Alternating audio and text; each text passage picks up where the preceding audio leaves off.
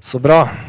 Gud er veldig god mot oss, og han eh, har et sånt eh, I dag så har jeg tenkt vi skal se sammen i Guds ord på det med at Gud har et eh, byggeprosjekt, og at han involverer oss i det. Og da skal vi starte litt sånn overordna, og så skal vi ned på helt Skal vi lande på den oppbyggelsen som skjer når vi kommer sammen. Og da, Når jeg bruker uttrykket 'når vi kommer sammen', så er det ikke bare det som skjer på en gudstjeneste, men det er overalt hvor vi kommer sammen i Guds eh, nærvær. Det er sånn at eh, når du begynner å lese gjennom Guds ord, så er det, det er mange røde tråder som du leser om helt fra skapelsen av, og som på en måte kulminerer i Johannes' åpenbaring. Så Grunnen til at det er sånne røde tråder i Bibelen, det, er ikke det at uh, altså du, det, Dere som har skrevet norskstiler, har kanskje fått feed, Jeg fikk av og til den feedbacken. Håvard, denne stilen, det, du skriver mye fint, men det er ingen rød tråd i det. Er det noen som har fått den? Det er kanskje ingen andre, bare jeg som fikk den tilbake. Ja, Thomas har fått den. Å, det var godt. Vi var to. Ja, Svein Arna, er det flere? Å, Fredrik, takk. Så det med at det er en rød tråd, det handler om at det er noen ting som går igjen. Og det er et tema, så du kan følge tanken da, fra begynnelsen til slutten. Og det er veldig viktig hvis du har en historie. da. Og når du leser i Bibelen, så er det sånn at det er, det er en veldig, veldig tydelig sånne røde tråder gjennom Bibelen. Og da er det som vi kan begynne å vri oss da klø oss litt i hodet over det, hvordan kan det være så tydelige røde tråder i ei bok som er skrevet, som består av 66 forskjellige skrifter, og som er skrevet av veldig mange ulike forfattere? Jo, grunnen til det er at Bibelen er inspirert av Den hellige ånd. Og at Gud er den samme helt fra evighet av og til alle evigheter. Så det som ligger på Guds hjerte, det kommer til syne i de her skriftene og i, opp gjennom historien på masse ulike måter. Så det fins ikke røde tråder i Bibelen fordi at forfatterne liksom har tenkt at vi må prøve å ta vare på den røde tråden. Men de skrev det de skrev fordi Gud inspirerte dem til å skrive. Og så fordi Gud er den samme i går og i dag og til evig tid, så finner vi igjen det som ligger på Guds hjerte i alle de ulike skriftene i, nei, i bibelhistorien, og alle de ulike hendelsene hvor Gud er involvert.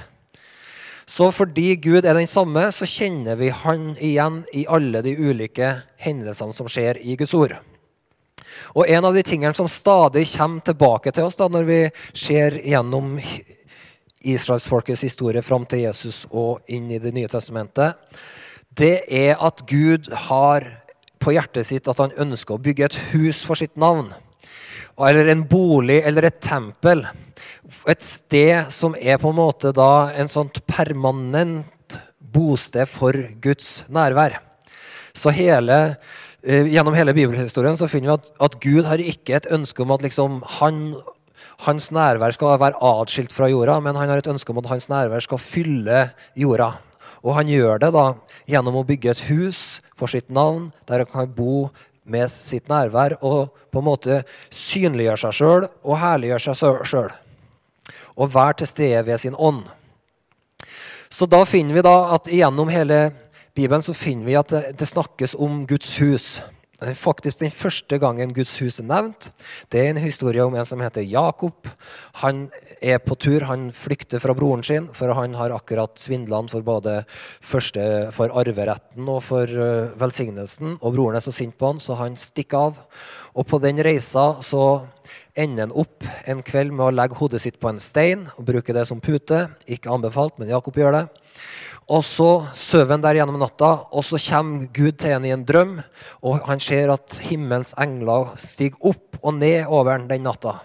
Og når han våkner, så sier han Sannelig, jeg visste ikke, men det her er Betel, som betyr det her er Guds hus. På det her stedet er Gud. Og så tar da Jakob opp denne steinen og reiser den opp som et minnemerke over at han hadde funnet et sted der han hadde møtt Gud, og så heller han olje over den. Og da, allerede der, så møter vi Guds hjertelag. For Bibelen sier at huset til Gud det bygges av levende steiner som er blitt levende ved at de har blitt fylt og salva av Den hellige ånd. Så Jakob, uten kanskje at han sjøl helt visste hva han gjorde, var med og profeterte om at huset til Gud er et sted av levende menneskesteiner som er salva med Den hellige ånds olje og liv over seg. Og Derfra og gjennom hele Skriftene så finner vi på forskjellige måter at på en måte Gud avslører hjertet sitt. Han ønsker et hus for sitt navn.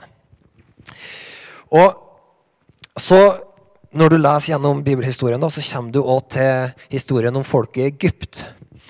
Og da er det sånn at I Egypt så levde israelsfolket, da, som var etterkommerne til Abraham, Isak og Jakob, de levde i fangenskap. Og de ble holdt i slaveri. Og når de brøt opp fra Egypt, så skjedde det gjennom at Gud kom med de her berømte ti plagene, som eh, liksom er veldig kjent. Som de aller fleste eh, kjenner til, med knott og elva som blir til blod, og sola som blir mørk, og, og så og så. Og på slutten av de her ti plagene så er folket i Egypt de er det står at det faller redsel over dem, og de ønsker av hele sitt hjerte at det her slavefolket skal komme seg ut. For de vil ikke ha flere av plagene over seg. Så i det som skjer der, så står det at når, så sier Gud til israelsfolket når dere reiser, så be de egyptiske naboene deres om å få med dere eh, gull og sølv og ting som dere kan være med å gi til meg. Og så står det at egypterne kommer da, med alt det her. Sender det med israelittene all slags dyrebare ting. Så når israelittene reiser fra Egypt, så reiser de ikke bare som et slags uh, slavefolk, undertrykt og fattigfolk, men de reiser med masse gods og verdifulle ting. Og tanken til Gud det var at det her folket da, som ikke hadde noen ting, det skulle han bruke til å bygge et hus for sitt navn. Og den historien, Nå skal vi ta oss tida til å lese litt fra andre Mosebok og kapittel 35. Og den, den historien er Skal vi ta oss tida til å lese ganske mange vers her. For eh, når Gud da skal begynne å bygge det her teltet, som er boligen for sitt navn, så skjer det på denne måten. Moses talte til hele Israels menighet. Dette er det Herren har befalt. Dere skal gi en offergave til Herren av det dere eier. Hver den som gir av et villig hjerte, skal komme til Herren med gaven. Gull, sølv og bronse, purpurblått, purpurrødt og karmosinrødt stoff, fint lin og geitehår, rødfargede værskinn, andre fingarvede skinn og akasietre, olje til lampene, krydret balsam til salvingsoljen og den velluktende røkelsen, onyksstein og andre steiner til å sette på efotdrakten og bryststykket. Alle blant dere som har visdom i hjertet, skal komme og lage alt det Herren har befalt. Boligen med telt og dekke, med kroker og planker, tverrstenger, søyler og sokler paktkisten med stenger, soningslokket og forhengsteppet, bordet med stenger og alt som hører til, og skuebrødene, lysestaken med det som hører til, og lampen og oljen til lampene, røkelsesalteret med stenger, salvingsoljen, den velluktende røkelsen og teppet foran inngangen til boligen, brennofferalteret med bronsestein, stengene alt som hører til, og fatet med understell, omhengene til forgården med søyler og sokler og teppe foran porten til forgården, pluggene og snorene til boligen, og forgården, prestedrakten til tjenesten i helligdommen, de hellige klærne for presten, presten Aron og klærne for sønnene hans til prestetjenesten. Videre. Så gikk hele Israels menighet bort fra Moses, og alle som kjente seg drevet til det og hadde en villig ånd, kom fram med offergaver til Herren. Så her ser du alle som kjente seg drevet til det og hadde en villig ånd, kom fram med offergaver til Herren. Gavene skulle brukes til arbeidet på telthelligdommen og all tjenesten der, og til alle de hellige klærne. De kom både menn og kvinner, alle som hadde et villig hjerte, kom med neseringer, øreringer, fingerringer og smykkesteiner, all slags smykker av gull. Alle de som ville bære fram et svingoffer av gull til Herren, kom fram. Hver den som hadde purpur, blått, purpurrødt og karmosinrødt stoff, fint lin, geitehår, rødfarga værskinn og andre fingarva skinn, kom med det. Alle som ville gi en offergave av sølv eller bronse, kom med gaven til Herren, og alle som hadde akasietre, kom til byggearbeidet. Hver kvinne som hadde visdom i hjertet til å spinne, kom med det hun hadde, spunnet i purpurblått, purpurrødt, karmosinrødt garn og fint lin. Og alle kvinner som kjente seg drevet og hadde visdom til det, spant garn av geitehår. Lederne kom med onykssteiner og andre steiner til å sette på efotdrakten og bryststykket, og krydret balsam og olje til lampene til salvingsolden og den velluktende røkelsen. Hver mann og kvinne som ga av et villig hjerte, kom fram for å bidra til det arbeidet som Herren gjennom Moses hadde befalt dem å gjøre. Slik bar israelittene fram en frivillig offergave til Herren. Slik lyder Herrens ord. Amen. Bra. Bra jobba, folkens. Lang tekst. Så hvorfor skal vi lese hele denne lange, detaljerte teksten? Det er fordi at vi trenger å forstå at når Gud bygger, så er det et stort arbeid. Det har en bredde i seg. Og det Gud gjør, det krever et helt folk for å være med å bygge. Så Gud han hadde ett kriterium for å være med og bringe inn en gave til det her arbeidet med å bygge tempelet. Og det var at det skulle være villige hjerter.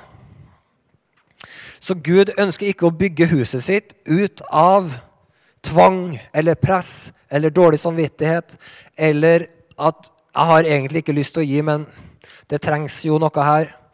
Nei, Gud er ikke på den. Han trenger oss ikke. Men han ønsker at huset hans, som han bygger som et bolig for sitt navn, at det skal være et uttrykk for hans nåde. Og for den overfloden som han velsigner oss med. Og at den skal være bygd ut av ville hjerter som har sett Gud, som har sett huset hans, og som ønsker å si ønske, Herre, for et privilegium å få være med å gi, for et privilegium å få være med å bygge på dette fantastiske huset for ditt navn.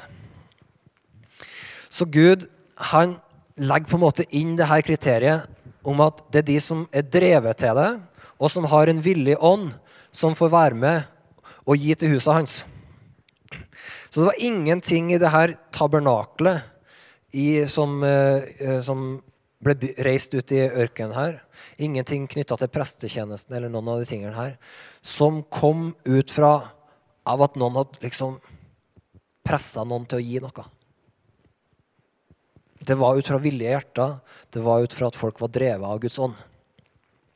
Og det var sånn fordi Gud ønska at det skal være sånn. Og ikke bare står det at han, de ga vilje av det de hadde, men det står òg at Gud ga visdom og utrusta med på en måte ferdigheter og evner til å bygge det Gud vil ha.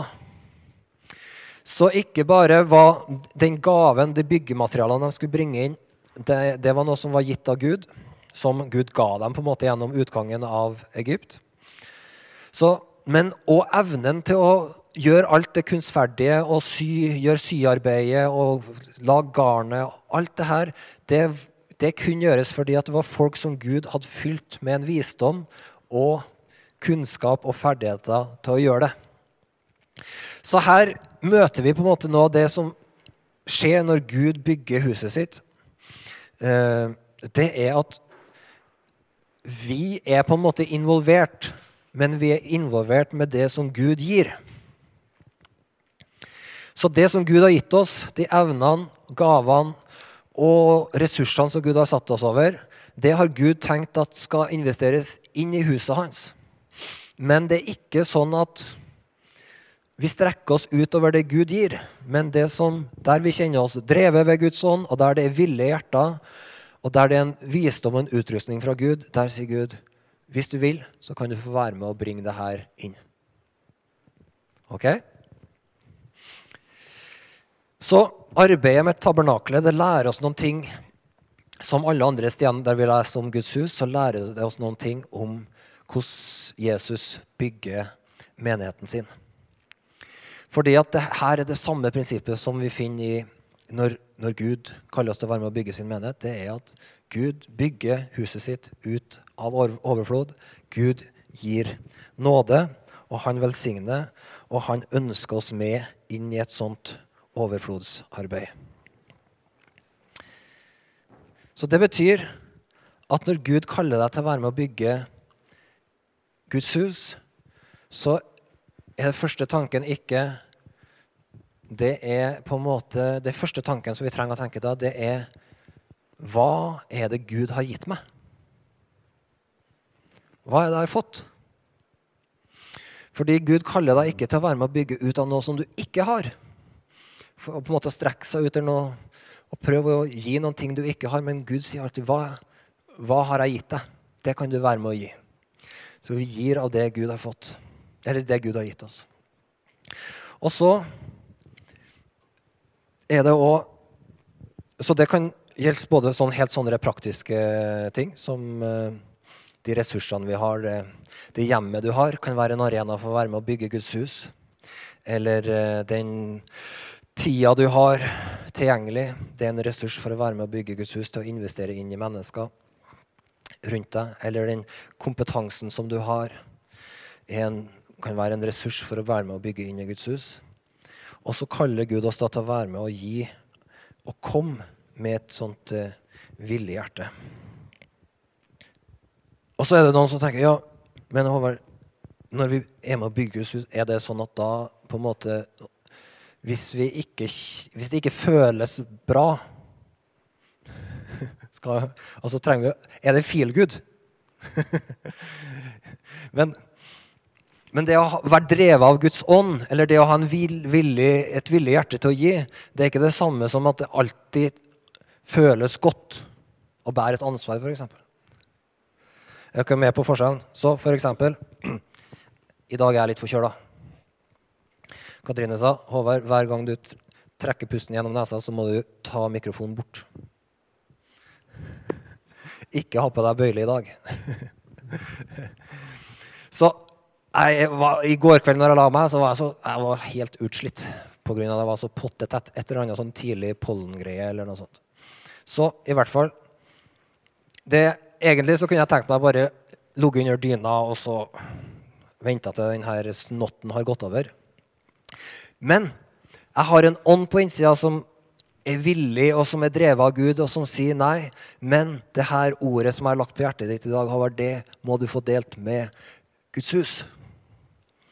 Det føles ikke alltid behagelig, men du har en villig ånd, og du er drevet av Gud, som gjør at du på en måte står helt frivillig i det ubehagelige.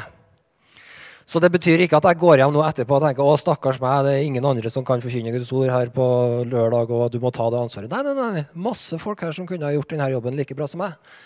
Men jeg har et ord fra Gud i dag som jeg trenger å bringe fram. Syns, det er ikke synd på meg om jeg er forkjøla i dag. Er dere enige i det? Yes! det er et stort privilegium å få stå foran dere og dele Guds ord og at dere er overbærende med meg sjøl om jeg er tett i nesa.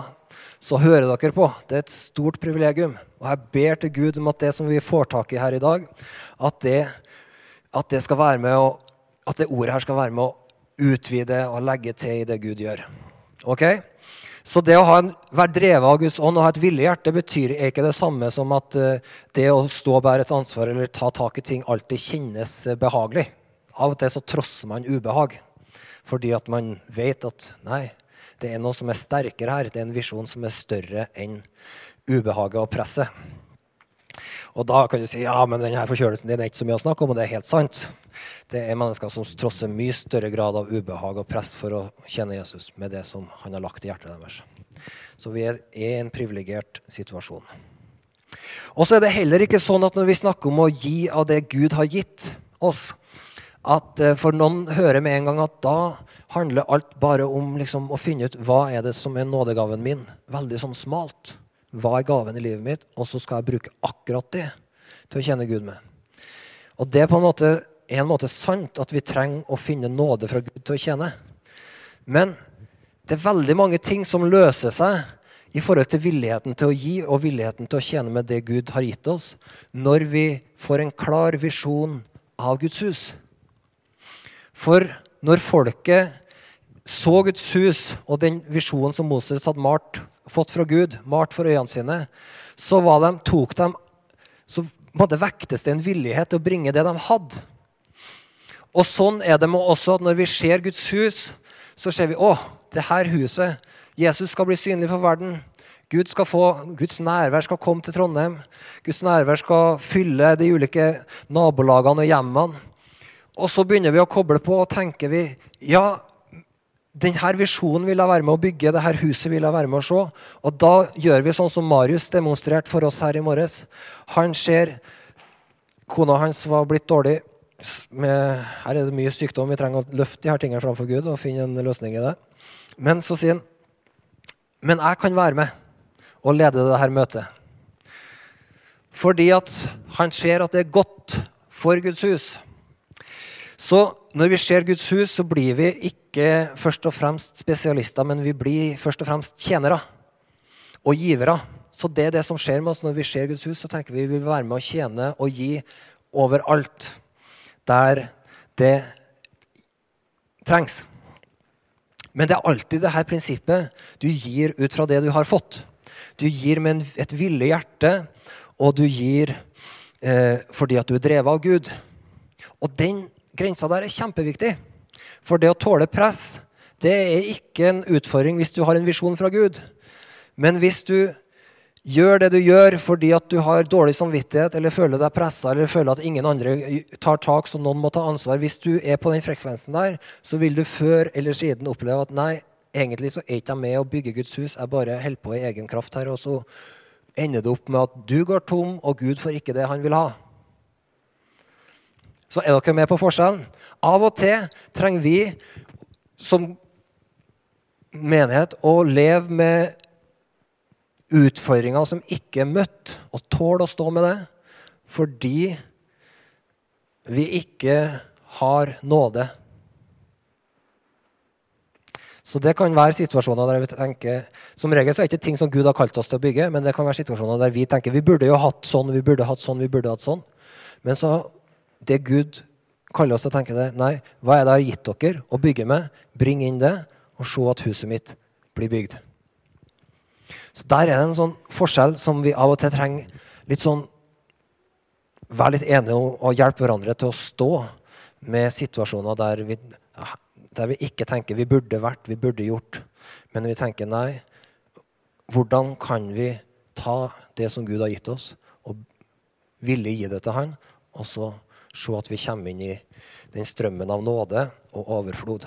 For det er alltid nåde til å bygge det Gud kaller oss til, men det er veldig mange situasjoner i kristne setninger hvor vi kommer med en tankegang om at det her burde vi gjort, det her burde vi hatt, det her, sånn burde det vært.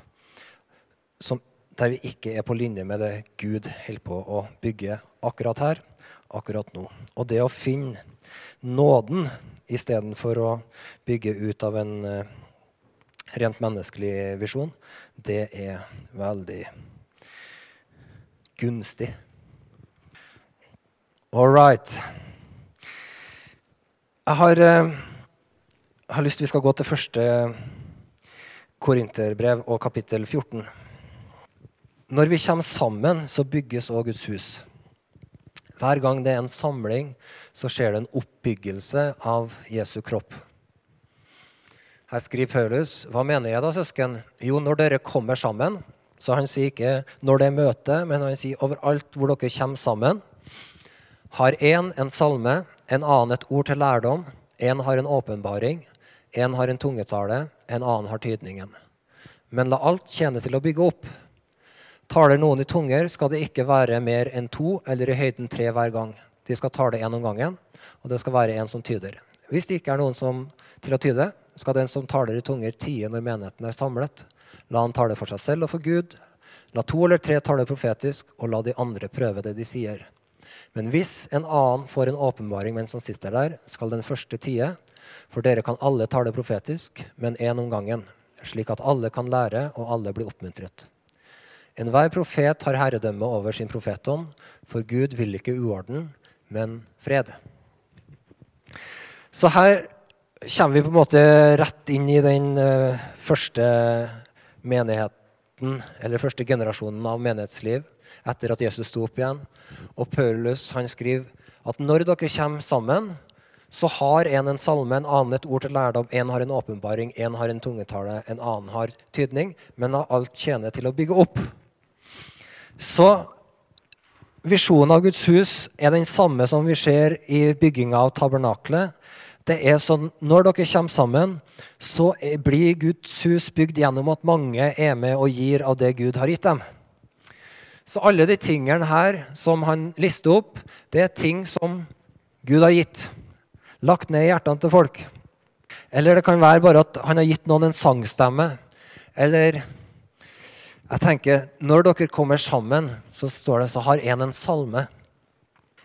Da, Jeg tror ikke det er sånn at av og til så gjør vi det her sida ved oppbyggelsen som skjer med nådegavene, litt sånn eh, hva skal jeg si, at Vi forventer ofte at Gud skal jobbe litt mer sånn spektakulært når han gjør. liksom. Hvis jeg skal komme sammen og har en salme, så er det noen som tenker at liksom, ja, da, da, du får det her som hører, I morgen så våkna jeg med denne sangen i hodet mitt eh, mens jeg så stjerna foran øynene, liksom.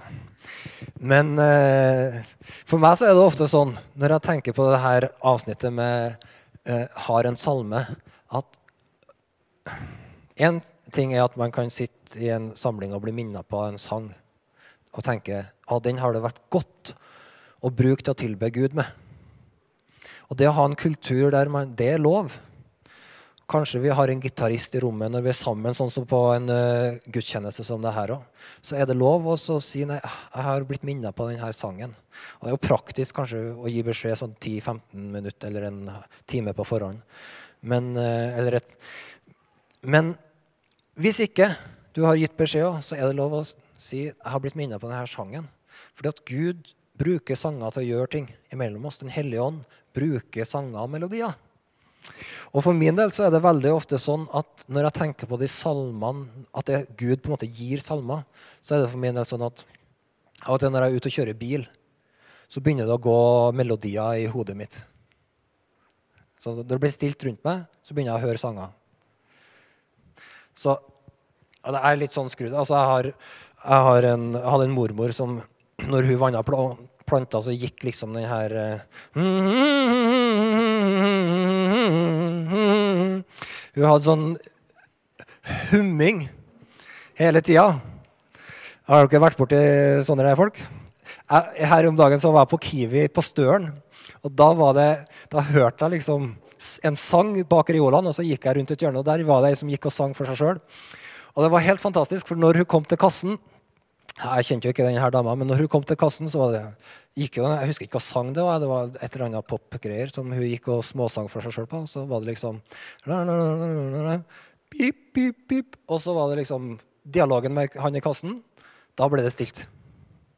Så hun liksom sang helt til alle varene var bipa igjennom. Så var det ja, det blir sånn og sånn. Ja, vær så god. Og så Helt fantastisk. Hun skulle vi hatt i menigheten vår. tenkte jeg. Til å vært der og hatt en salme hver gang vi kommer sammen. Men, men eh, sånn tror jeg at for en del av oss, når det blir stilt, så begynner Gud å synge en, Den hellige ånd og bringe fram en melodi i hjertet ditt. Og så tenker du nei, men det er bare jeg som har en sånn vane på at det kommer melodier til meg. Nei. Gud bruker de tingene der. Og hvis du begynner å legge merke til det, så kan du bli forberedt ganske tidlig i uka. Så tenker du at nei, når, når vi kommer sammen, denne melodien har gått i hjertet mitt. Jeg kan gi det til lovsangslederne, eller jeg kan stille meg fram sjøl og synge denne lovprisninga til Gud. Eller jeg kan si teksten din og forklare hvorfor jeg tror at den sangen har liksom vært i hjertet mitt denne uka. Eh, for når vi kommer sammen, så er det ikke at vi tar tak i det vi ikke har det å ha en salme på en måte, Det er ikke sånn at vi da på en måte, ja, da skal vi prøve å søke Gud. Å, Gud kan gi meg en sang. Nei, du har en salme. Ikke sånn at alle her har en salme, men noen her har Gud gitt en salme. Og vi trenger å bringe det inn når vi kommer sammen på husgruppa eller her i gudstjeneste. og sånn. Gi det inn. Noen har et ord til lærdom. Det er jo sånn som ofte skjer underveis. Du har lest i Bibelen gjennom de siste to ukene. Så er det noen ting du har stoppa opp ved. Kanskje du har notert det ned i Bibelen din. Og da er ikke det sånn at du trenger å komme og ha en lang preik, men du kan dele ett minutt. Gi beskjed på forhånd. 'Jeg har fått en lære. Jeg har fått en åpenbaring.' Og i hvert fall sørg for at du deler det på husgruppa di, for der er en kjempegod arena. Så sier han en har en åpenbaring. ikke det er fantastisk? Du har sett noe nytt. Du har sett noe som Gud har vist deg på en eller annen måte. En har en tungetale, en annen har tydninger. Men alt tjener til å bygge opp. Og det er da nøkkelordet i det som skjer her. Det er la alt tjene til å bygge opp.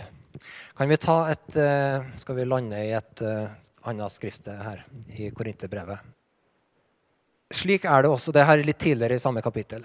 Når dere nå legger så stor vekt på åndsgavene, så søk å bli rike på gaver som bygger opp menigheten. Derfor må den som taler i tunger, også be om å kunne tyde det. For hvis jeg ber og taler i tunger, er det ånden min som ber, men forstanden har ingen nytte av det. Hva skal jeg så gjøre? Jo, jeg skal be med ånden, men også med forstanden. Jeg skal lovsynge med ånden, men også med forstanden. Hvis du holder takkebønn i din ånd, hvordan kan da den som ikke er fortrolig med dette, si amen til din bønn? Han skjønner jo ikke hva du sier. Du holder nok en god takkebønn, men ingen andre blir oppbygd av det. Så her tar Paulus oss med inn i en utrolig sånn bevissthet om de andre som er til stede. For han sier at når vi er der sammen i bønn og lovprisning, så sier han at når du ber og ber i tunga, så er det ånden min som ber, men forstanden har ingen nytte av det. Så til og med den som ber i tunga, har begrensa utbytte av det i forhold til å forstå hva det er jeg ber om. Hvis man da ikke får en tydning på det. Men så sier Paulus at når, hvis man ber med ord som andre kan forstå eller Hvis du ber i, i ånd, da, hvis man ber i tunga, og andre ikke fortrolig med det, og ikke forstår det, så hvordan kan de si amen til din bønn? Så hvordan kan folk ta del i det du ber om? Så når vi er sammen og ber, så er det en annen måte en annen bønnekultur enn når vi ber alene. Så når du ber alene, så kan du be så mye du vil i ånden, eller du kan be usammenhengende setninger og sånn. Eh, og det kan du for så vidt gjøre når vi er sammen òg. Det er lov. Eh, men det er enda bedre hvis at du kan be på en sånn måte at folk forstår hva du ber. Fordi da kan de si amen, og så sier Paulus mm, i vers 17 du holder nok en god takkebønn, men ingen andre blir oppbygd av det. Så faktisk, når vi takker Gud, så blir folk oppbygd. Og det her er en utrolig hemmelighet fordi at, til oppbyggelse. fordi at av og til så tenker vi ja det, det viktige er at bare Gud hører takkebønna mi. For det er jo han jeg takker. Men faktisk, hvis du ikke bare takker Gud stilt, men at du tar et steg fram, løfter stemmen din, og så takker Gud, så frigjør det takk, og andre blir bygd opp. Så når vi er sammen, sånn som i dag, og tilber Jesus, så når du kjenner en takknemlighet i hjertet ditt, så, og, og en villighet til å bringe det fram, så gjør det. Kom fram. Eller hvis det er stilt i salen, bare løft stemmen din der du er, og gi en takk til Gud og om det er så en helt enkel takk, som er takk for at i dag så har jeg fred, eller takk for klærne på kroppen min, helt i de enkle tingene, men du kjenner at det her er en takk som på en måte du kan løfte stemmen din og bringe, så gjør det. Fordi det bringer oppbyggelse og styrker dem rundt deg. Så oppbyggelsen og denne villigheten til å bringe det Gud gir, handler ikke om å ta tak i det som ligger langt unna oss, men Paulus viser oss at de her helt enkle tingene som takken i hjertet ditt er med å bygge andre opp, sangen som du har nynna på i bilen, eller som uh, surrer i bakhodet, den er noe som Den hellige ånd tilskynder deg. Han har lagt den der for at du skal få være med å bringe det inn. Det du la merke til bibellesinga eller den åpenbaringa du fikk. Alt det her er sånne skatter og rikdommer som Den hellige ånd gir oss for at vi skal være med og bringe det inn i huset hans, sånn at huset hans kan bygges opp. Kristi kropp kan bli styrka. Så la oss være, bare ta med hele det Gå gjerne hjem og les igjen det her andre Mossebok 35. Og be Gud tale til deg om hva, det, hva, slags ting er det Gud legger på hjertet ditt som du kan være med å bringe inn? Hvordan kan jeg være en hjelp for en mann som Marius i byggearbeidet? Eller hvordan kan jeg være en uh, velsignelse i den husgruppa jeg er en del av? Herre, hvilke ting legger du på hjertet mitt som jeg villig kan gi? Og da sier jeg det ikke sånn gå hjem og kjenne et press til å finne noe å gi. Men Spør Gud hva slags overflod er det jeg har, som jeg gjerne har lyst til å gi. For det blir summen av de tingene der gjør at Guds hus bygges, og hans navn blir herliggjort.